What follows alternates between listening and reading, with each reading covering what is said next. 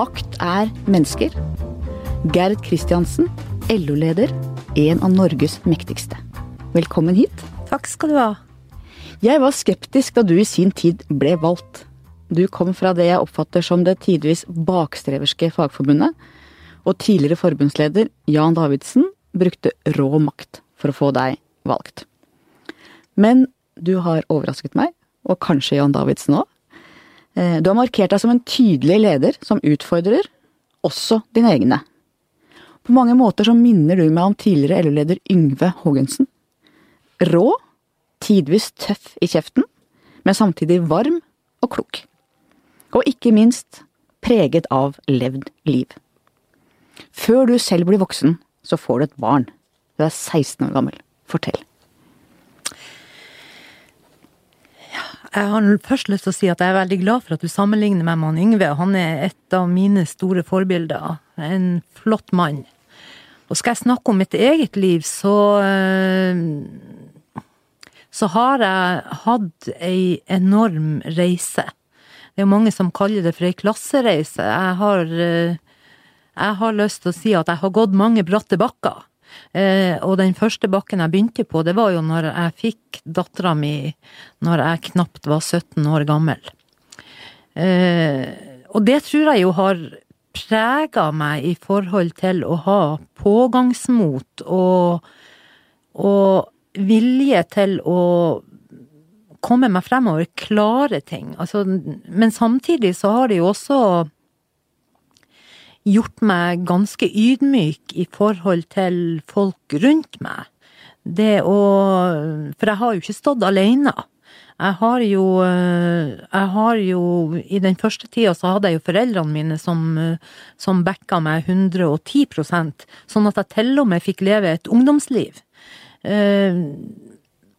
Men opp gjennom tida så har jeg alltid brukt det systemet jeg har rundt meg. Og det gjør jeg også i dag. En LO-leder alene er ikke verdt noen verdens ting uten å ha et godt støtteapparat, uten å ha forbundene rundt seg, uten å vite at det du går ut og mener sterkt, det har du støtte for i eget, i eget system. Og så fikk du et barn til. En sønn. Ja. Dere ble skilt, og dere ble enige om at han skulle bo hos faren sin. Og det var et utradisjonelt valg den gangen, og et modig valg. Hva forteller det? Nei, altså for meg så var det jo så enkelt at, uh, at vi hadde to unger, og uh, det var jo jeg som gikk. Uh, og, og, hvis at jeg skulle ta begge ungene med meg når jeg gikk, så kom han til å få det veldig tøft.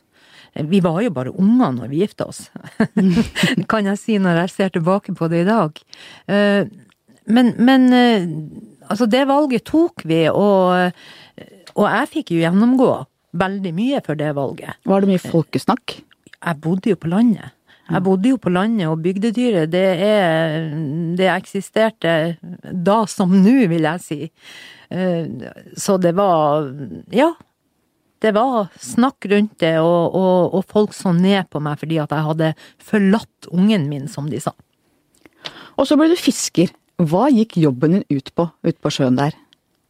Nei, min jobb gikk ut på akkurat det samme som de andre sin jobb gikk ut på, men så er jeg best å lage mat, så, det, så, så den jobben hadde jeg i tillegg. Men jeg, jeg fungerte som fisker i, i, lag med de andre. Jeg du dro ut og trakk ja, inn fisk og ja, slo på fingeren og Ja, vi var, vi, det var jo en tråler jeg var på, så vi, vi var jo i lag alle sammen når vi, når vi dro inn.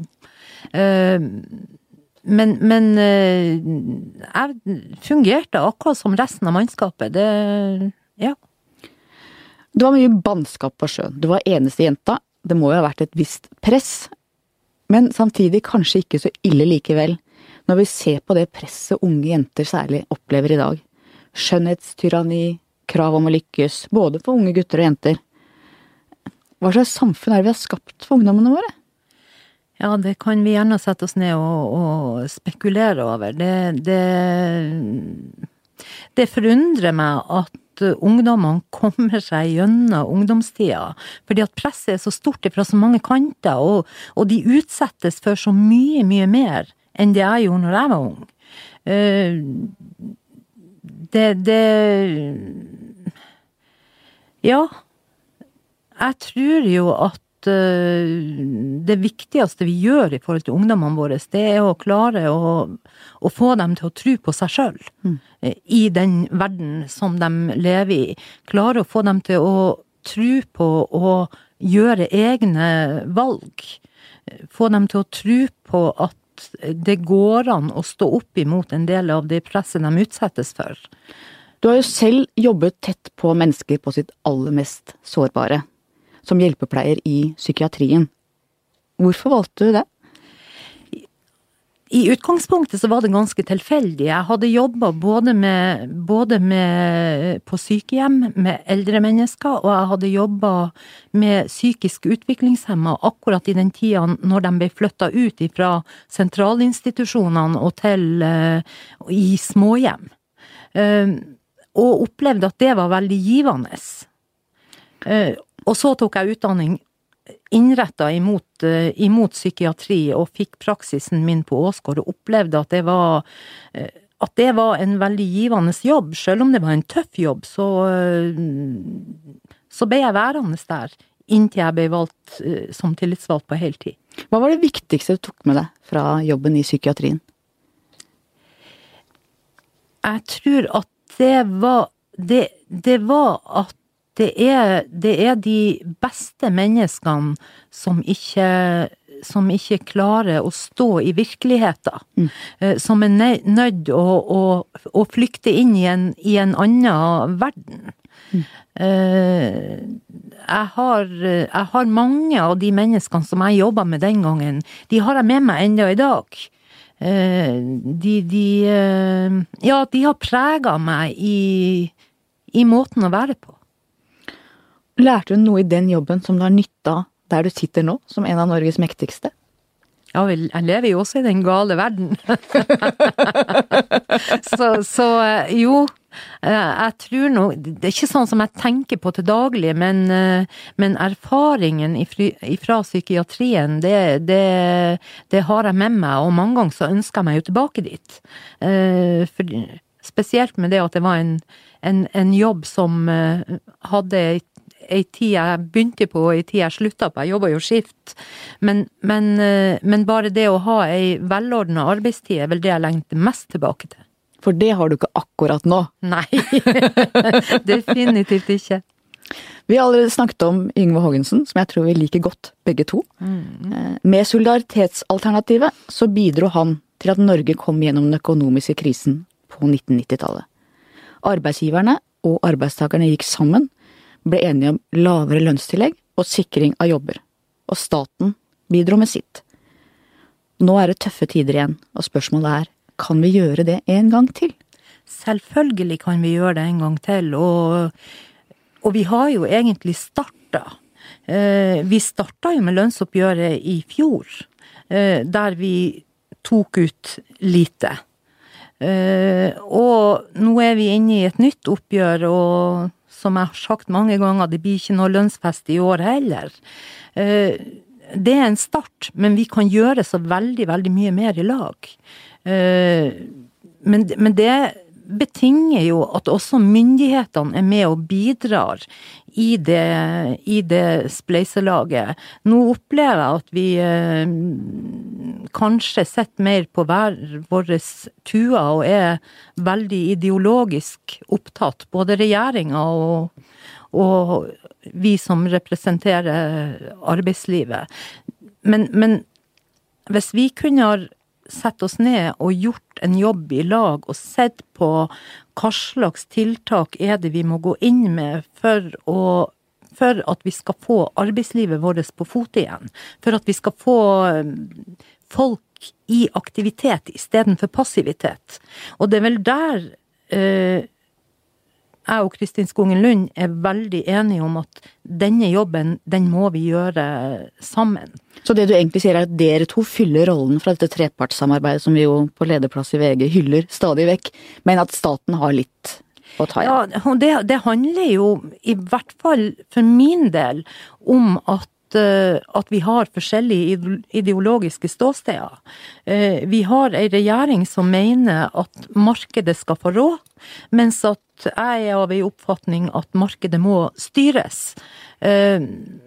Og så også norsk næringsliv. Vi er nødt til å gå inn med, med tiltak for å få, for å få aktivitet og det er ikke regjeringa like villig til. De er ganske tilbakeholden, blant annet sånn som med permitteringsregelverket, der vi står på barrikadene for å få gjort noe med det, eh, og få utvida permitteringstida, Og vi gjør det jo ikke fordi at vi er veldig opptatt ut av det. Vi gjør det fordi at våre tillitsvalgte der ute og bedriftene sier at dette er det viktigste tiltaket myndighetene kan komme med.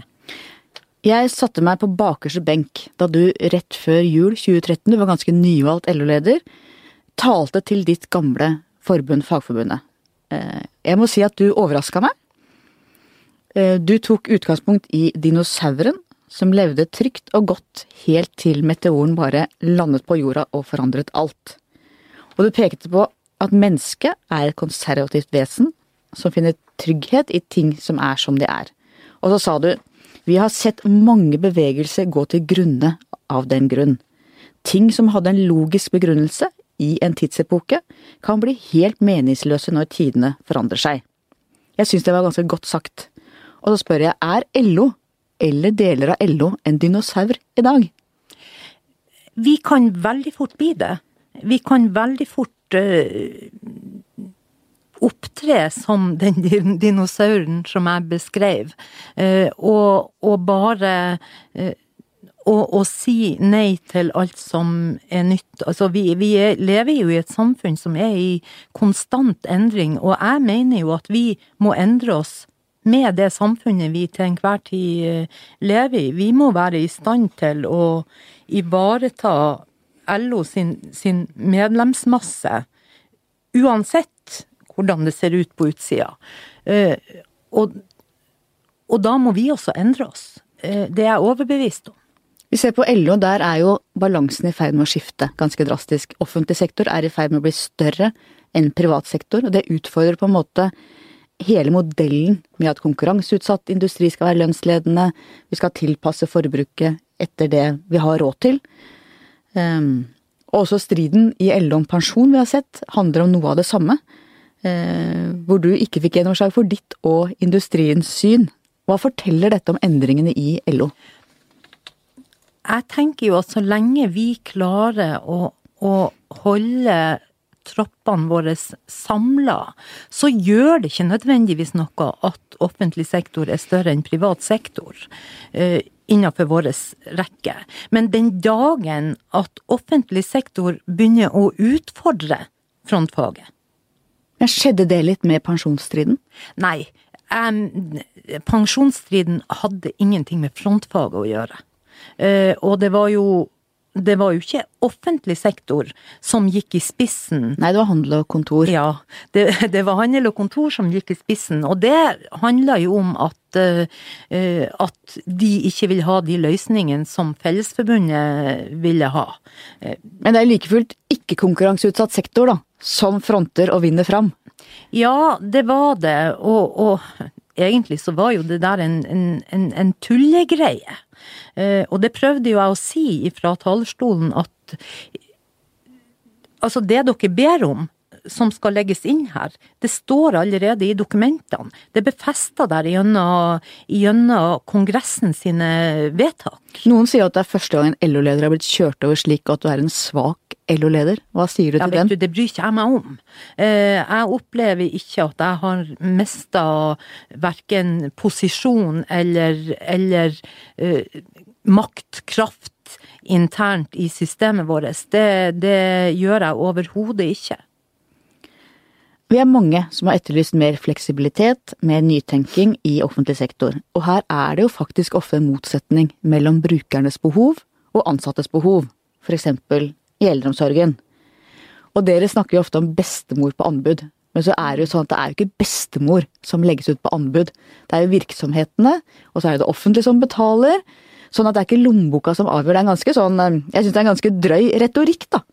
Hva tenker du om det? Ja, noen ganger så må man vel bruke retorikk eh, for å få folk til å skjønne hva som skjer. Vi har ei veldig klar oppfatning av at eh, de pengene som, som går i noen private sine lommer, kunne ha vært brukt på tjenester i offentlig sektor, istedenfor at uh, noen som, som, yter tjenester der inne, skal, skal hente det ut og, og, og, fordele det etter eget forgodtbefinnende. Det er vel, eh, det er vel den, den vår argumentasjon. Og vi mener jo òg at dette med stadige nye anbud i offentlig sektor er med å senke kvaliteten på tjenestene. Du, du, du klarer ikke å få kontinuitet.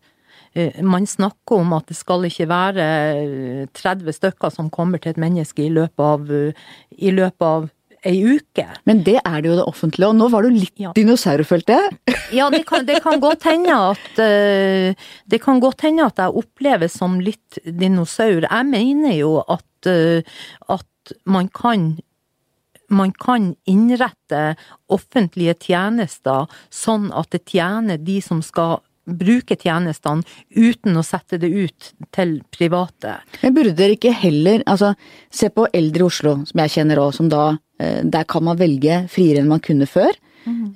Burde dere ikke heller diskutere mer hvordan man kan få anbudsrunder og konkurranseutsetting som både sikrer et ansattes pensjonsforhold og den type ting dere har tatt av, og fleksibiliteten for de eldre istedenfor å sette dere så veldig på bakbeina? Ikke også, hadde ikke det også vært en litt mer eh, hensiktsmessig vei for dere? Det å, det å, jobbe for å sikre pensjonsrettighetene for de ansatte, det gjør vi jo hele tida. Uh, og jeg har jo ei klar formening, eller et ønske, eh, kan jeg vel heller si, om å ha lik pensjonsordning i hele norsk arbeidsliv. Altså det, det skulle jeg ønske at vi hadde klart å få til. Vi har et lappverk av et system som vi har klatta på og klatta på både i offentlig og privat sektor i veldig mange år, uh, og som, som, uh, som ikke er bra. Det er mobilitetshindrende mellom offentlig og privat sektor, eh, og det er forskjellig for norske arbeidstakere om du jobber her eller du jobber der. Det er ikke bra. Ap-LO-samarbeidet. Du gikk tidlig ut og støttet Jonas Gahr Støres kandidatur som ny Ap-leder, og med sin vestkantbakgrunn, gamle penger og utdannelse fra eliteuniversiteter i Paris, så er han ganske langt fra din fiskebåt i Finnmark. ja, det er han, men samtidig så står vi på akkurat den samme plattformen. Og i motsetning til jeg, hø, jeg, har jo hørt at han har blitt kritisert for sin vestkantbakgrunn, men i motsetning til veldig mange andre arbeiderpartifolk, så har jo han tatt et aktivt valg. Og jeg tenker det står det virkelig respekt av, det å velge eh, å stå på en politisk plattform der du vel i utgangspunktet egentlig ikke skulle høre hjemme. Tror du han sliter litt med sin bakgrunn? At han av og til føler seg litt sånn fremmedkulturell i arbeiderbevegelsen? Ja, det, eh, han gjør det i hvert fall i lag med meg noen gang. Fortell om det! ja, nei, jeg har jo, jeg har jo ofte saftige uttalelser, og, og, og, spesielt når jeg, blir, når jeg blir veldig engasjert, så kommer det noen gloser. Og da kan han sitte og smile for seg sjøl og si 'hva du flirer til'? Nei, jeg bare lytter. Jeg lærer. Tar han etter deg, eller? Nei, han gjør ikke det. Han får ikke det til. Det hadde vært gøy. Bør, nei, men han bør ikke gjøre det. Det vil ikke kle han i det Nei, det er jeg helt enig i! nei, men, men uh, han Altså, for meg så er han et helstøpt menneske, altså. Han uh, Og ikke minst, han har tatt et aktivt valg. Men det er i hvert fall lett å tenke seg også at fagbevegelsen i han har fått en person som har mye å bevise. Er det noen saker hvor dere er dypt uenige, eller hvor han har valgt en annen linje enn den LO står for? Altså, det hender jo, det hender jo veldig ofte at eh, vi og Arbeiderpartiet er uenige. Det faglig-politiske eh, samarbeidet er jo ikke sånn at vi til hver tid skal stå der og være enige. Eh, og sånn, jo, sånn var det jo med Jens i den tida han satt der, og sånn er det også med Jonas. Det, det, men vi, vi, altså, vi har jo respekt for at vi er to forskjellige organisasjoner, men vi er jo også avhengig av hverandre for å få ting til. Det finnes jo ingen gratis lunsj. Når dere i LO gir millioner av kroner i valgkampstøtte til Arbeiderpartiet, så er det jo naturlig å tenke at dere vil ha noe igjen for det. Og hva er det viktigste dere forventer fra Arbeiderpartiet? Men det får vi jo hver eneste dag gjennom Arbeiderpartiet sin politikk. Eh, den politikken ligger så veldig, veldig mye nærmere oss i vår bevegelse enn det høyresida sin politikk gjør at eh, Ja, vi har igjen for det hver dag. Eller vi, jeg sier vi, og da, og da tenker jeg medlemmene våre har igjen for det hver dag. Gjennom et godt velferdssystem, gjennom trygge og faste jobber, osv., osv. Det handler om politikk. Du sitter i Arbeiderpartiets sentralstyre. Hvorfor sliter sosialdemokratiet nå i hele Europa? Det var et stort spørsmål. Nei, jeg, jeg har jo en tendens å svare veldig fort, og nå Det som, det som detter først ned i hodet mitt når du spør sånn som du spør, så tenker jeg det er fordi at de ikke har det gode faglig-politiske samarbeidet som vi har her i Norge. For det er ganske unikt for Norge at du har en sammenslutning som favner både privat og offentlig sektor. Ser du på f.eks. et land som Frankrike, hvor det er alle disse små organisasjonene som kan lamme hele samfunnet, hvor de ikke har noe solidaritet. Det er, mm. det er vel typisk skandinavisk, men det må jo handle om mer enn det. Ja, altså, vi har klart å, å opprettholde denne gode faglig-politiske eh, settinga som vi har. Når, når folk spør meg når, Ofte får jeg jo det spørsmålet hos medlemmene. Hvorfor har vi dette faglig-politiske samarbeidet? Hvorfor, hvorfor blir vi kritisert for at dette er et samrøre? Så sier jeg det at vi har akkurat det samme behovet i dag som vi hadde for over 100 år siden da fagbevegelsen valgte å opprette et parti. For det var faktisk sånn. Det var fagforeninger som oppretta Arbeiderpartiet. Og det var jo fordi at de så at de hadde behov for noen som, som var med og tok avgjørelser der avgjørelser ble tatt. Velferdssamfunnets fremtid. Eh, vi må kutte, reformere, effektivisere, og vi må jobbe mer og lenger. Da slipper vi jo ikke unna spørsmålet hvorfor er kvinner så mye mer sykemeldt enn menn, også når vi korrigerer for mer arbeid i hjemmet, barnefødsler, alle disse kvinnespesifikke tingene? Jeg tror jo det handler nettopp om det du, det du snakker om, at kvinner ta, Altså, uansett hvordan vi snur og vender på det, så tar kvinner en, en helt annen rolle og et helt annet ansvar selv om det har endra seg, så tar de fortsatt et mye større ansvar for familie, for unger. Altså og det, og det er tøft å være dobbeltarbeidende. Det kan vel alle som har vært det, skrive under på. Det er vanskelig å få det til å gå i hop, og, og, og, føre til at en del folk blir syke av det. Og så har du deltid. Min mormor sa alltid til meg du må tjene dine egne penger, du må stå på egne bein. Hun var en periode på 1930-tallet skilt alenemor, så hun visste godt mm. hva hun snakka om. Du er opptatt av dette, men den debatten blir jo lett følelsesladet. Litt sånn hvem er du til å fordemme andre kvinners valg, eh, på din høye hest, altså Hva tenker ja, du om hele den debatten? Jeg tenker det at den debatten han sporer alltid av i noe helt annet. Og jeg sier akkurat det samme som bestemora di sa. Eh, fordi at du er ikke likestilt før du kan forsørge deg sjøl.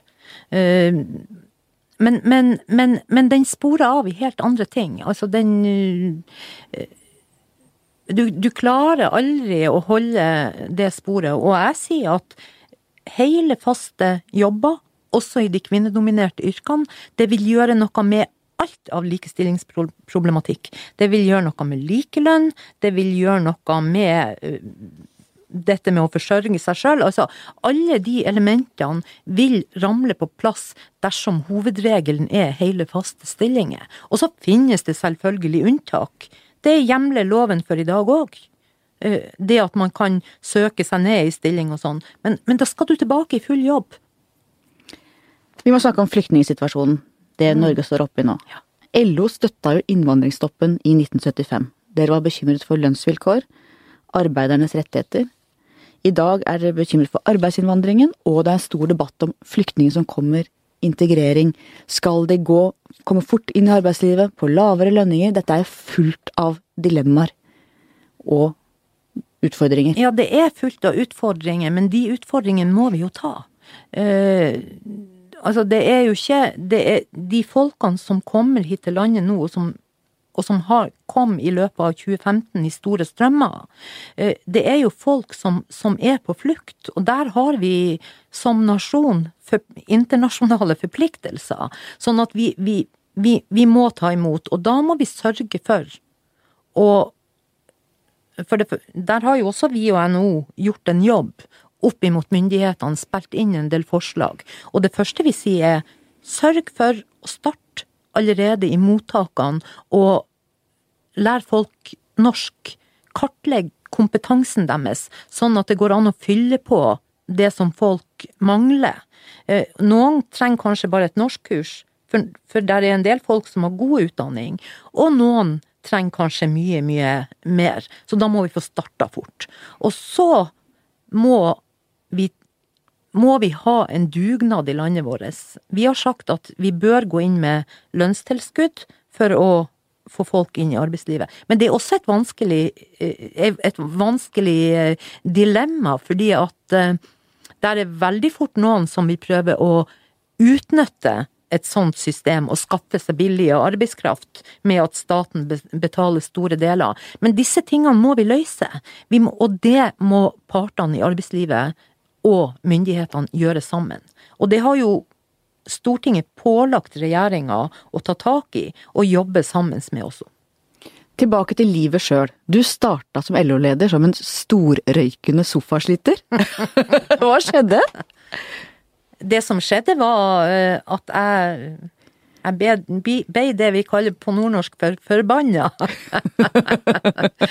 VG skrev om hvordan jeg var, og la alle, og la alle lastene mine oppå hverandre. Eh, og gjett hvordan jeg så på meg sjøl i de dagene. Og så kom NRK på toppen av det hele og skulle kjøre en sånn eh, lørdagsprofil eller noe sånt. Så var vi enige om at de skulle bare ringe til meg. Jeg, ta fri jeg hadde fri på fredag. Etter valget. Og gjett hva de ringte og spurte om. Når begynte du å røyke? Da. Jeg, ja, vet du, jeg snudde meg til gubben i bilen og så sa jeg, vet du, Åge, nå er stopp. Jeg slutta å røyke. Var det vanskelig? Jeg har slutta, jeg òg, altså. Ja, jeg kan ikke si at jeg hadde det veldig lett i første uke. Jeg drømmer fortsatt av og til om røykinga, selv om det er over 20 år siden jeg slutta. Ja, men det, det, skjer, det skjer meg òg med jevne mellomrom. Plutselig kan jeg tenke å gud, nå skal det bli godt å sette seg ned og ta seg en røyk. Hæ? Nei. Ferdig. ja. Nei, så det Vi nærmer oss slutten. Ja. Hva ville du sagt i dag til den 16 år gamle jenta?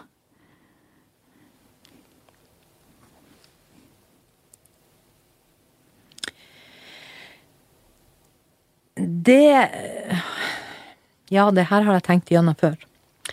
Og jeg tror jeg hadde ville sagt at uh, du bør eh, ta abort. Og så bør du sørge for å få deg ei utdanning. Det er tøft. Ja, det er tøft. Det er tøft å si det i dag, men, uh, men man skal jo være ærlig. Ja. og det Og jeg tror at jeg hadde ville sagt akkurat det. Mm. Mm.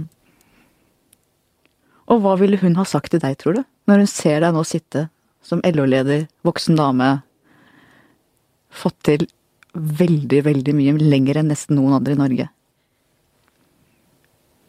Da ville hun sagt 'mamma, du tok feil'. ja.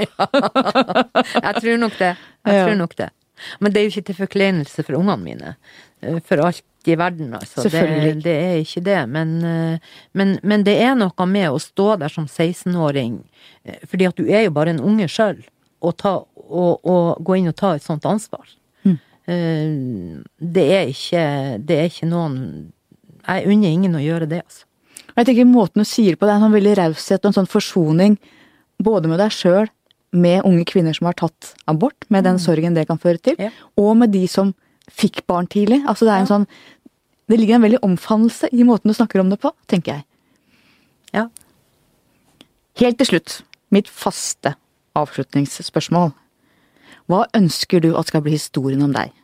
Hva skal folk si? Geir Kristiansen, det er hun som Det er hun som klarte å sørge for å starte opp jobben med å få ei felles pensjonsordning for hele norsk arbeidsliv.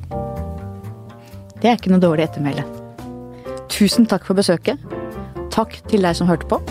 Vi høres igjen neste uke.